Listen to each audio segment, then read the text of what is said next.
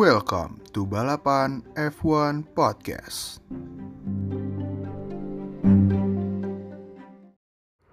So, yeah guys, uh, balik lagi di Balapan F1 Podcast. Um, ya, yeah.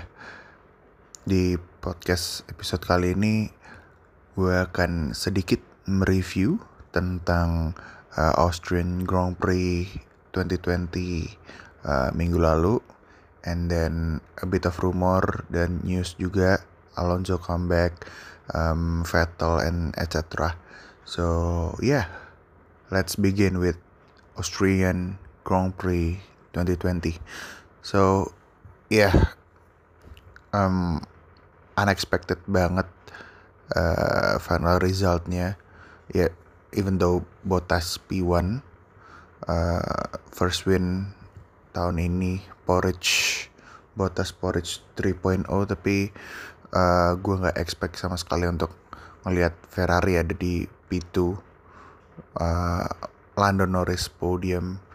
And I mean uh, race wise bisa dibilang ini serupa sama Interlagos 2019 karena uh, di awal sampai mid race itu Eh, nggak uh, ada kejadian yang nggak ada action yang benar-benar apa ya seru gitu. Karena uh, Mercedes pull away very quickly.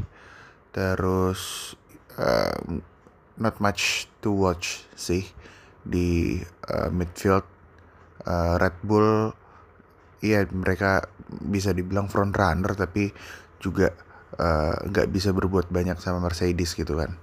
Um, dan balapan um, balapan ini aneh banget sih sebenarnya buat gue karena uh, tahun 2020 di mana regulasi seharusnya sudah mateng um, mesin V6 juga udah in development selama berarti ini musim ke-7 musim ke-7 atau ke-6 nggak nggak bisa ngitung gue intinya udah cukup lama uh, but in the end kok yang retire 9 gitu dan mostly karena uh, mechanical problems gitu uh, either itu dari engine ataupun electrical gitu. Uh, so kalau bisa di recap both Red Bull uh, facing similar issues katanya electrical problem dan ya I uh, suspect itu dari power unit pastinya karena uh, efeknya ke max di lap 13 kalau nggak salah. Uh, engine-nya masuk ke anti stall mode and then eventually losing power.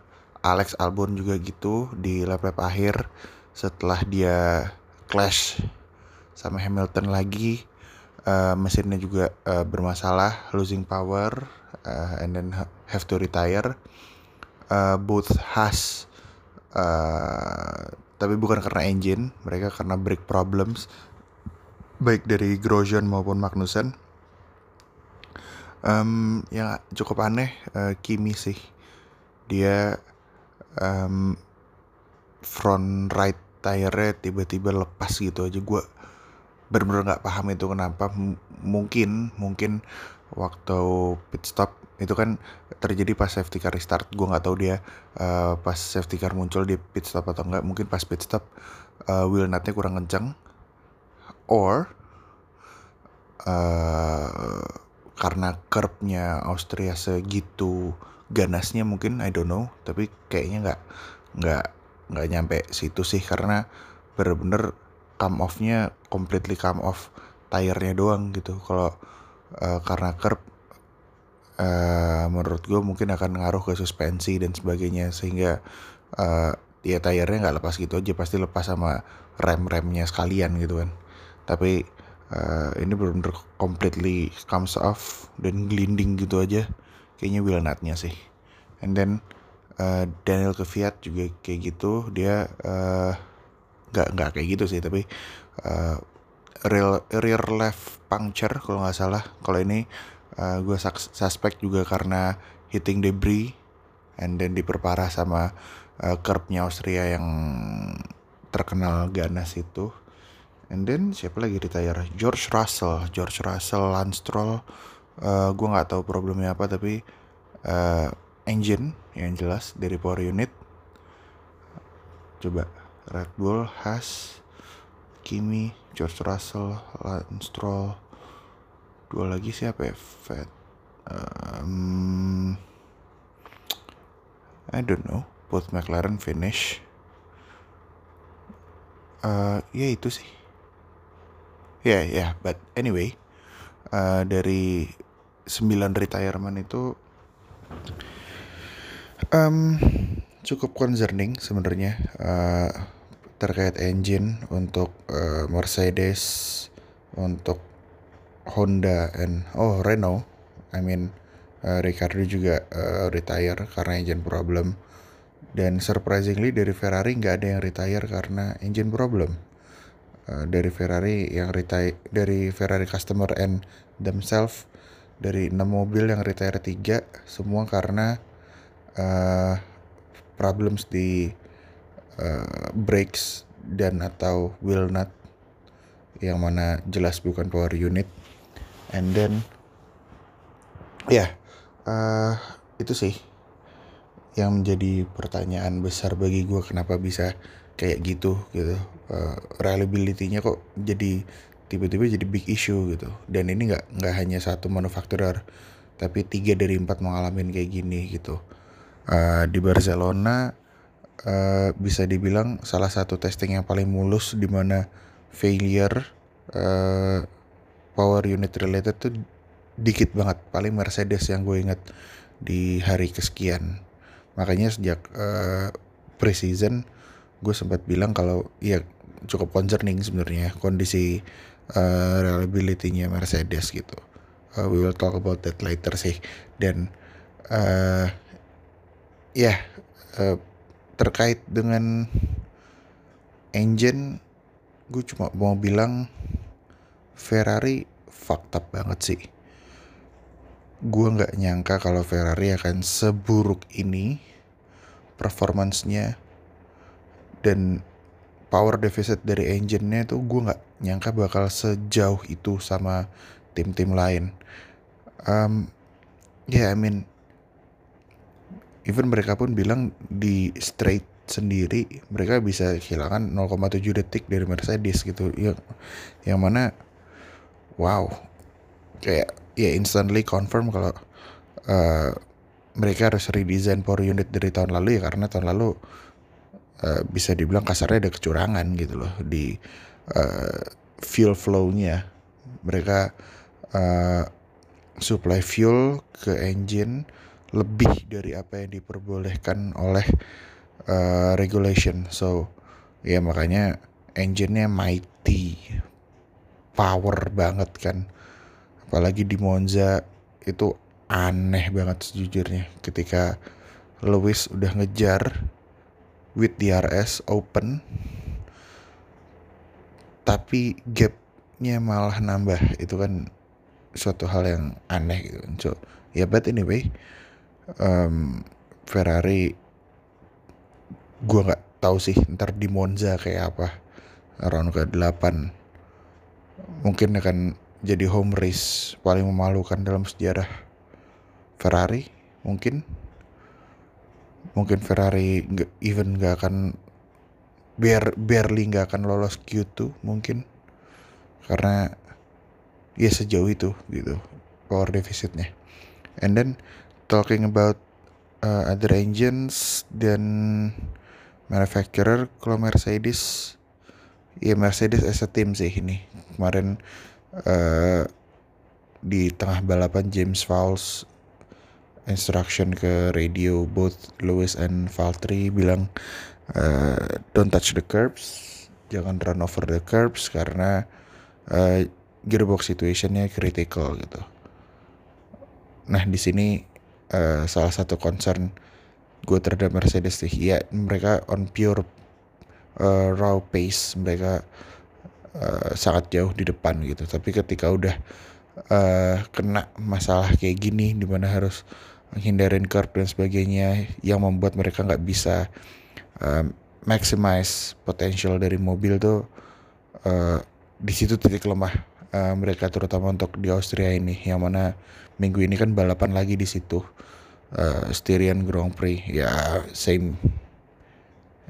Kita bilang Austria jilid 2 lah tapi I mean uh, kalau sampai problemnya belum solve ya uh, mungkin kita akan lihat kayak kemarin lagi di mana mereka akan absolute domination from the beginning and then mid uh, point to the end of the race mereka mulai bit conserve dari driving style gitu. Or even worse uh, karena ini gearbox uh, related problem yang mana uh, lo uh, apa ya kalau udah ya intinya kan gearbox yang kemarin nggak fail kan. Nggak sampai fail gitu. Dan akan dipakai lagi minggu ini. Uh, ya most likely mereka juga dari awal akan uh, hindarin carb gitu. Dari uh, lap pertama gitu. Or even dari uh, qualifying. Karena kan gearbox untuk hari Sabtu dan Minggu adalah gearbox yang sama. Tapi kalau untuk practice di hari Jumat kan lu pakai gearbox khusus untuk practice gitu.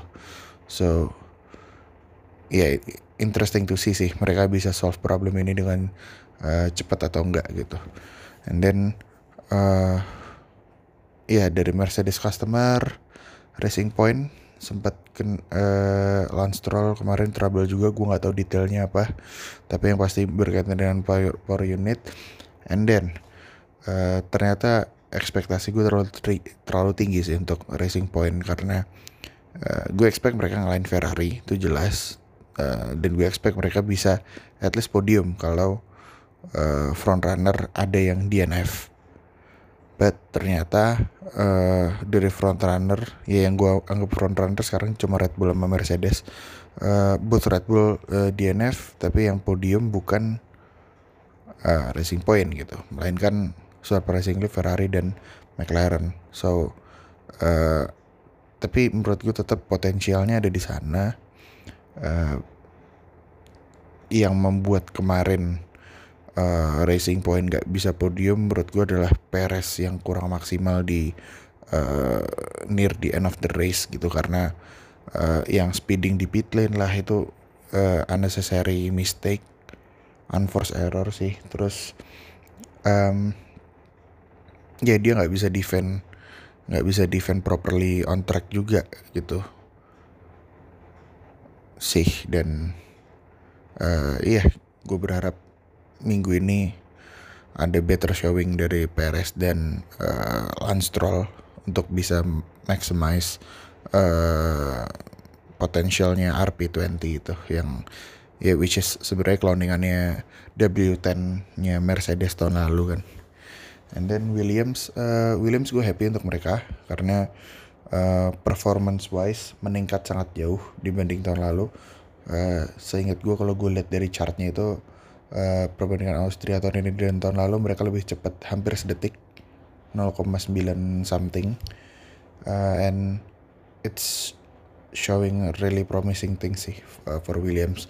Of course uh, ketika lu uh, mengalami downfall ke Williams ya lu nggak nggak bisa expect untuk uh, let's say next year langsung ke middle of the midfield lu nggak bisa gitu.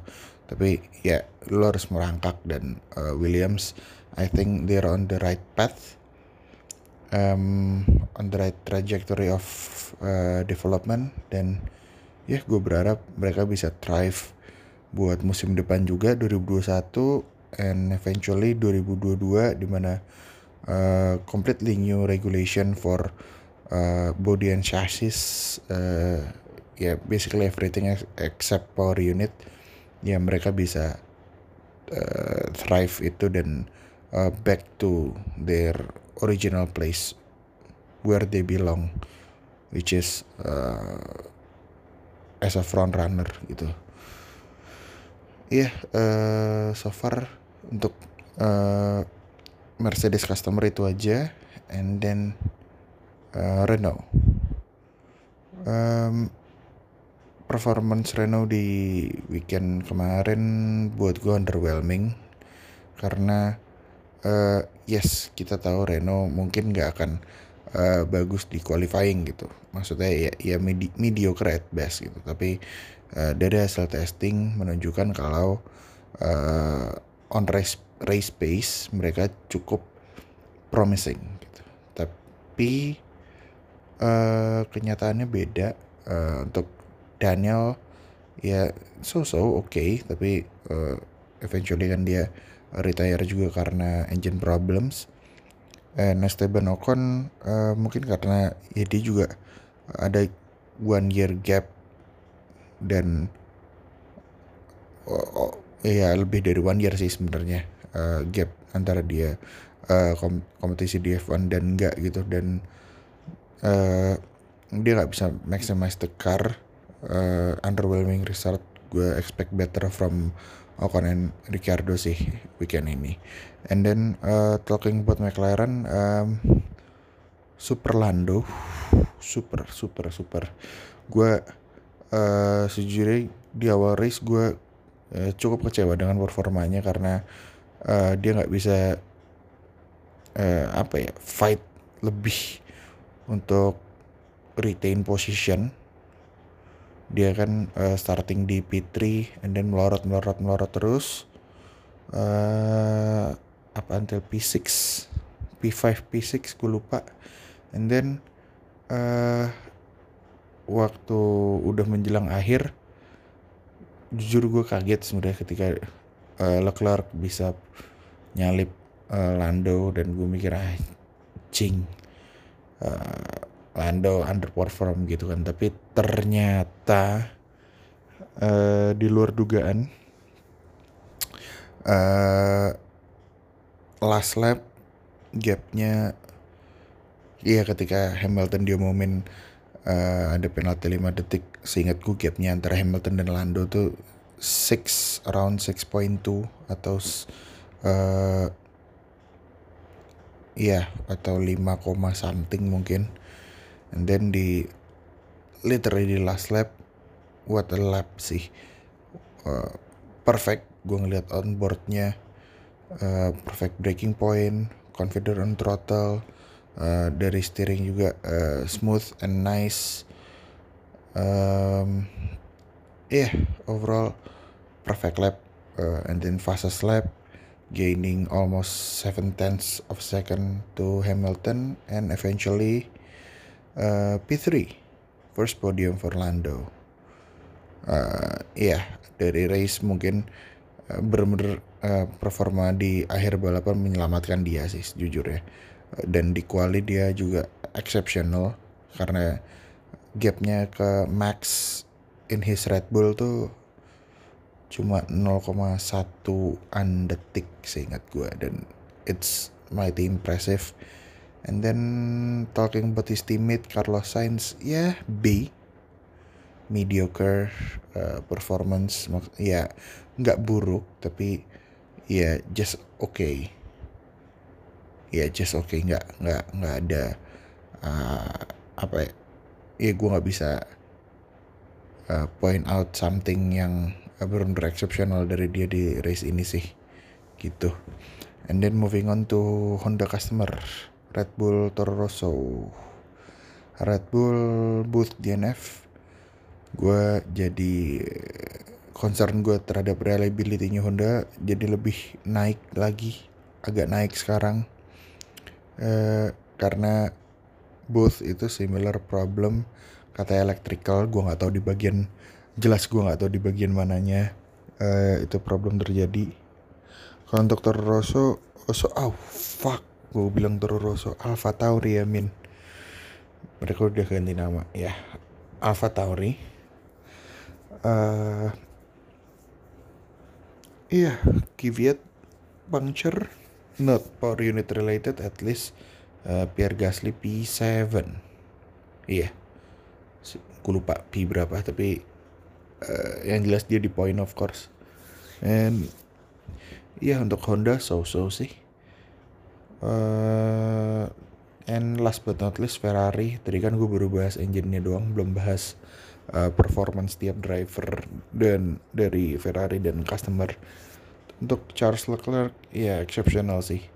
Uh, that car was a dog shit piece of a car.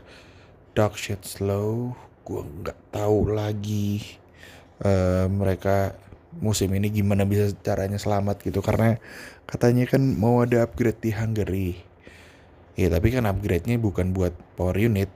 Upgrade-nya ya untuk uh, chassis and aero gitu. Yang mana ketika power unit lu lemah lu bawa upgrade buat aero and chassis lagi untuk ningkatin downforce ya most likely uh, dragnya akan increase yang mana lo di straight line ya makin lemot lagi gitu. Ya ya untuk ke Hungary uh, there's no problem at all gitu loh. Cuma ya ya there's still a problem gitu karena di, di Hungary masih ada straight cuma kan uh, Hungary terkenal sebagai high downforce track di mana uh, banyak tikungannya kan. Straightnya paling yang signifikan cuma di uh, main straight doang gitu. Yang gue takutkan adalah race-race selanjutnya di mana habis dari eh, habis dari uh, Hungary kita pergi ke Silverstone dua kali. Ya Silverstone kan straightnya juga lumayan panjang loh apalagi yang di tengah tuh nama straightnya apa lupa gue yang buat gantiin uh, bridge section. Kita dua kali balap akan balapan di Silverstone. Lanjut ke spa. Hmm, mati dah lo habis Euruch kalau lo yaitu uh, bener-bener uh, straight yang ya buat F1 ya, kayak drag racing gitu. Apalagi uh, di lap pertama lo akan berebutan slipstream di situ. Ya fair ya ya to be honest gue gak tahu sih bakal sefakta apa Ferrari di Spa and Monza gitu. Hopefully yeah but there's no hope I think. Seingat gue uh, power unit development untuk season ini udah di freeze jadi ya power unit yang mereka bawa ke kemarin di Austria ya nggak boleh ada upgrade apa apa gitu untuk selanjutnya. Setahu gue gitu cuma ya let's see lah. Siapa tahu ternyata masih boleh di uh, upgrade dan mereka bisa buat upgrade yang uh, cukup mumpuni untuk mengurangi power deficit itu ya let's say, let's see. And iya yeah, balik lagi talking about Charles Leclerc exceptional. Gue nggak nyangka dia bakal dapat P2 apalagi uh, starting from from P7 terus iya yeah, uh, and again performanya benar-benar bagus banget. Peaknya tuh di lap-lap akhir. Gue nggak nyangka bisa dia bisa overtake Lando and the most impressive one overtake uh, Sergio Perez di turn 3 not turn 3 turn 2 kayaknya. Cleanly very confident on the brake dan surprisingly di next part of the track nggak nggak kekejar sama Perez gitu. Gue nggak tahu apa yang terjadi di situ sih sama Racing Point. Maybe uh, a bit low on power or ERS nggak tahu gue but yang jelas impresif untuk Charles Leclerc gitu. And Sebastian Vettel. Hmm, Sebina lah ya hmm, apa ya?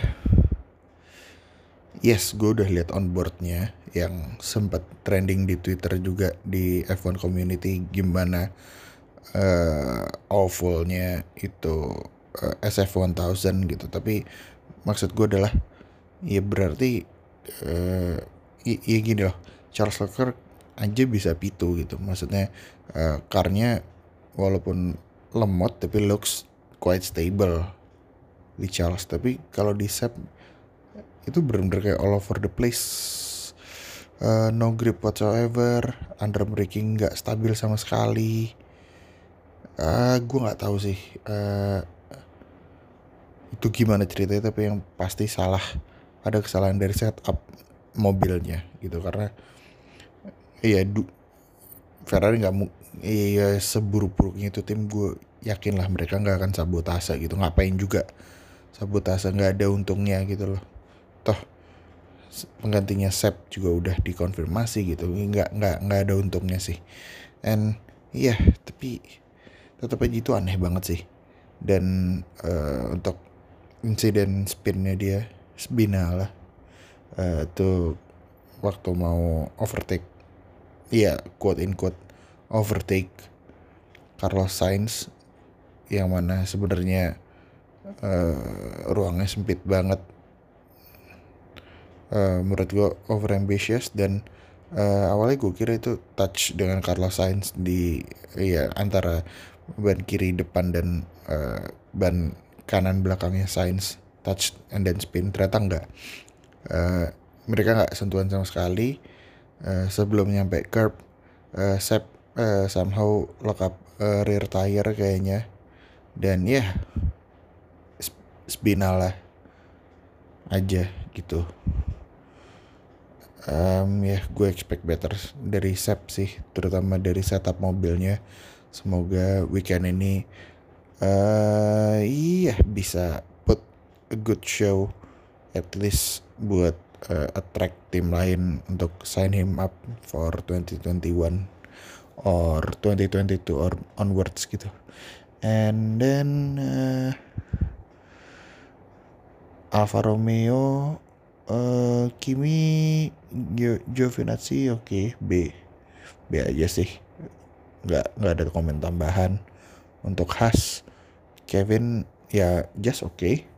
Grosjean Grosjean tuh uh, gue lupa apa yang kejadian tapi yang jelas itu setelah turn 3 uh, pokoknya udah di twisty sectionnya uh, Red Bull Ring dia sempat uh, off the track karena kesalahan sepele ya ya.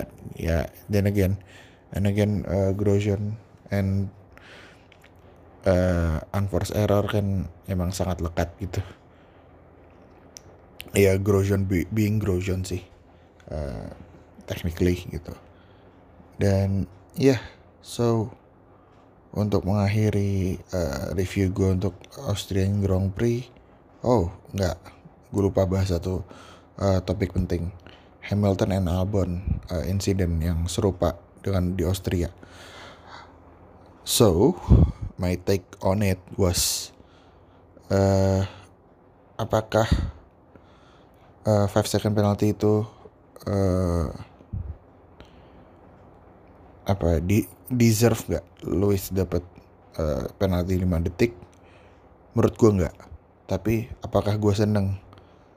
Uh, dia bukan dalam arti jahat tapi apakah gue happy kalau uh, 5 detik penalti itu kejadian? Yes I am happy for it. So kenapa menurut gue uh, itu nggak layak untuk dapat penalti 5 detik? I mean it's too harsh. Karena uh, technically yes Albon uh, udah ahead walaupun from the outside gitu. Tapi uh, dari uh, steering movementnya Lewis dia nggak apa ya namanya nggak uh, nggak ada uh, upaya untuk push Albon off the track nggak. Dia udah full lock dia tahu arahnya mau ke mana gitu. Tapi uh, a bit understeery so itu yang bikin uh, mereka berdua touch and Albon spun around dan ya yeah, Interlagos 2019 kurang lebihnya uh, terjadi lagi. Walaupun kali ini bukan Lewis yang attempt uh, overtaking bukan tapi Albon yang attempt overtaking from the outside gitu. But yeah uh, so I think it's too harsh for Lewis tapi ya gue tetap uh, seneng itu penalti 5 detik kejadian karena ya at the end Lando podium dan ada dramanya di last lap itu sih. Ya da dari pure dari sisi entertainment yang bikin gue glad kalau uh, five second penalty itu tetap diberikan gitu sih.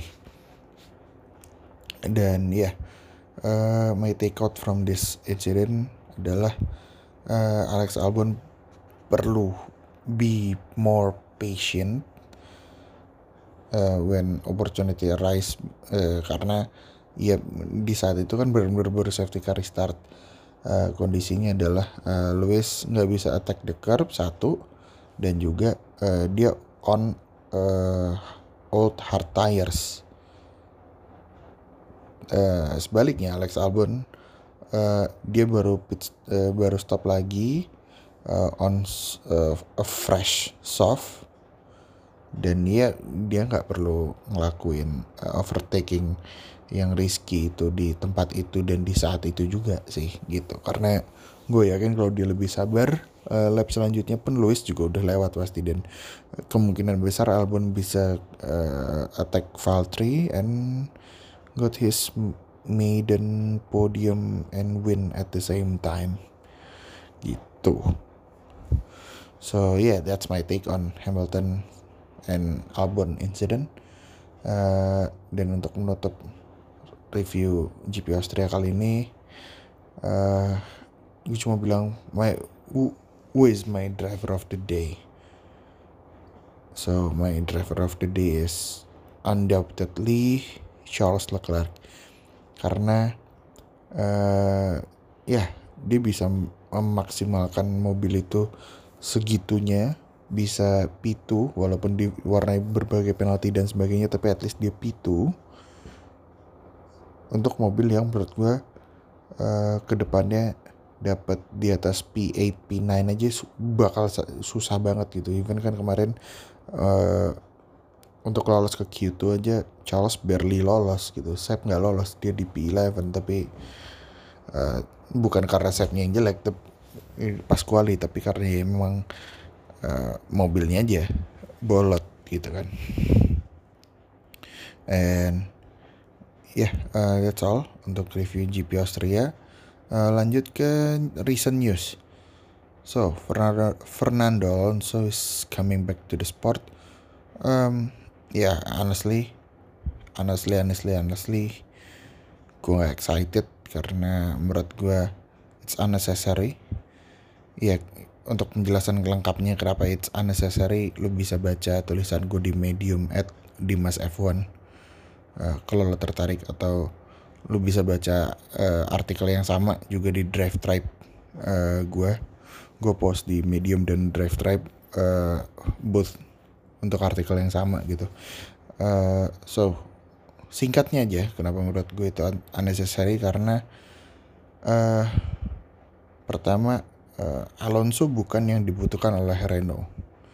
Renault butuh driver yang serupa Daniel Ricardo. Serupa dalam hal dalam hal umur, experience dan prospek. Which is ya sebenarnya susah nyari yang kualitas sebagus Daniel gitu. Tapi at least candidate-nya ada dan itu jelas bukan Alonso gitu. Uh, Daniel sign for Renault di umur 30.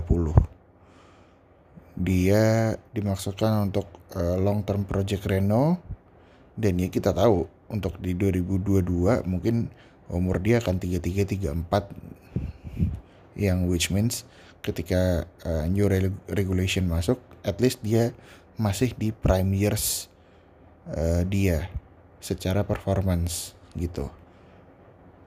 Uh, and then Fernando dia sign uh, the contract kemarin umur 38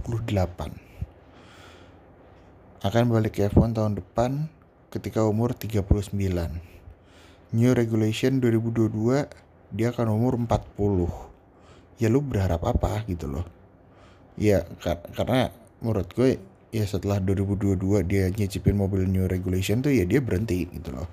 Kalaupun dia lanjut performanya nggak akan uh, seperti prime yearsnya dia karena ya harus diakui uh, physical uh, physical side di F1 main cukup tinggi gitu. Kita bisa lihat di Michael Schumacher uh, kasusnya di 2010 sampai 2012 ya dia di situ kita tahu sama-sama tahu dia pernah punya neck problem yang mana prevent dia untuk uh, replace masa di 2009 gitu kan. Di comeback 2010 sampai 2012 Iya selain mobilnya yang jelek memang jelek tapi ya dia nggak bisa maksimal juga karena udah tua juga gitu kan. Ya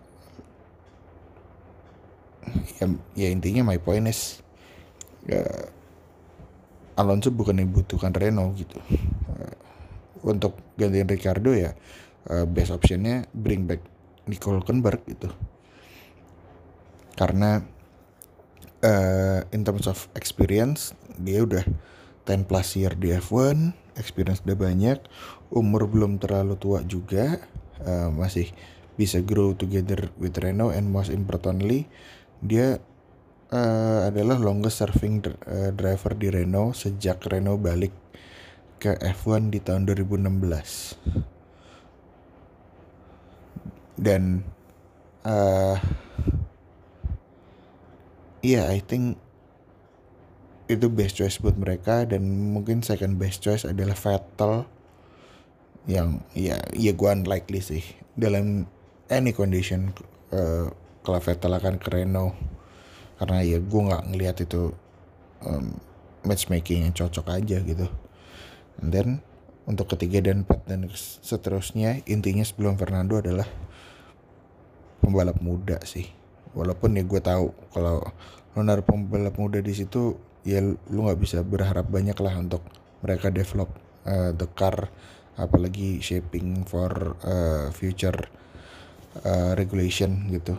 So iya uh, Nico Hulkenberg definitely better option than uh, Alonso. Tapi ya kalau mereka keep going ahead with Alonso ya udah mau diapain lagi gitu. Paling uh, after Alonso retire harus ada someone yang uh, udah adapt dengan timnya dan bisa ngelanjutin Berce legasinya gitu.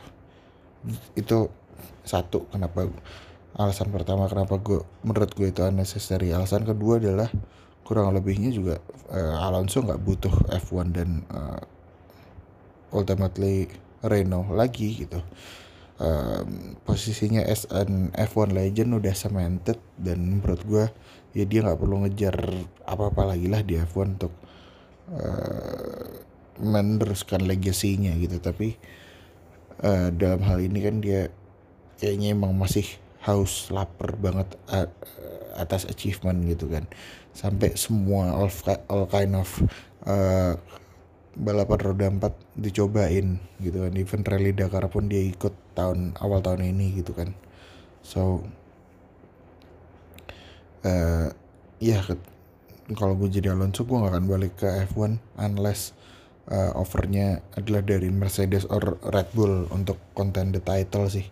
Karena ya intinya ujung-ujungnya apa yang kita dapat setelah Alonso gabung Renault adalah ya uh, Alonso kita tetap expect dia akan uh, push the car to the fucking limit gitu. Tapi uh, back again uh, kita akan lihat dia dua tahun di Renault fighting di midfield dan ya yeah, I I don't think he will contend for any podium sih dan ya yeah, uh, that's it.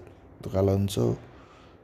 Next news probably Vettel katanya uh, rumornya yang beredar uh, CEO bukan CEO sih or ownernya Red Bull minta Helmut Marko untuk make it happen. Vettel coming home to Red Bull tapi ya dari uh, Helmut Marko udah menyangkal. Cuma gue tetap yakin probabilitasnya ada cuma nggak gede sih gitu. Dan uh, yeah that's it. Uh, maybe terakhir slide review aja. Game F1 2020 baru keluar. Uh, ya yang keluar ini sih edition yang Schumacher Deluxe edition yang early access so uh, ya gamenya baru keluar uh, pertama kali gue main pakai steering wheel juga. Ya sebelumnya di 2019 gue udah nyoba pakai steering, steering wheel dikit. But uh, definitely game tahun ini much much much much much much much much much improvement in terms of handling. Uh, gue lebih merasa nyaman dan kayak nyatu dengan mobilnya daripada 2019 yang kayak lo nyetir di ice skating tau gak sih? Yang dikit-dikit sliding sliding sliding unstable nggak nggak enak lah intinya. Tapi di game yang ini marvelous. Bener kata George Russell feelingnya good. Ya mirip. Nggak mirip sih tapi mendekati apa yang gue rasain kalau main di Assetto Corsa lah. And some sort of that kind of simulation game gitu. And yeah so that's it for me thank you so much for listening this podcast. Uh, ya kalau lo ada saran atau apa DM gue aja. Di Twitter boleh di Instagram boleh. Dan terakhir uh, gue sekarang lagi coba uh, meningkatkan kemampuan nulis gue dalam bahasa Inggris uh, di Medium dan Drive Tribe with a small hope kalau uh, beruntung dan bisa dinotis dan uh, skill gue berkembang dan sebagainya uh, hopefully I can make it to the paddock as motorsport journalist maybe. Ya karena itu uh, one of my dream job sih sebenarnya. And yeah uh, nggak lama-lama lagi that's it from me. Thank you so much for um, listening to me for the past 41 minutes or so. And yeah. Uh, see you later. Bye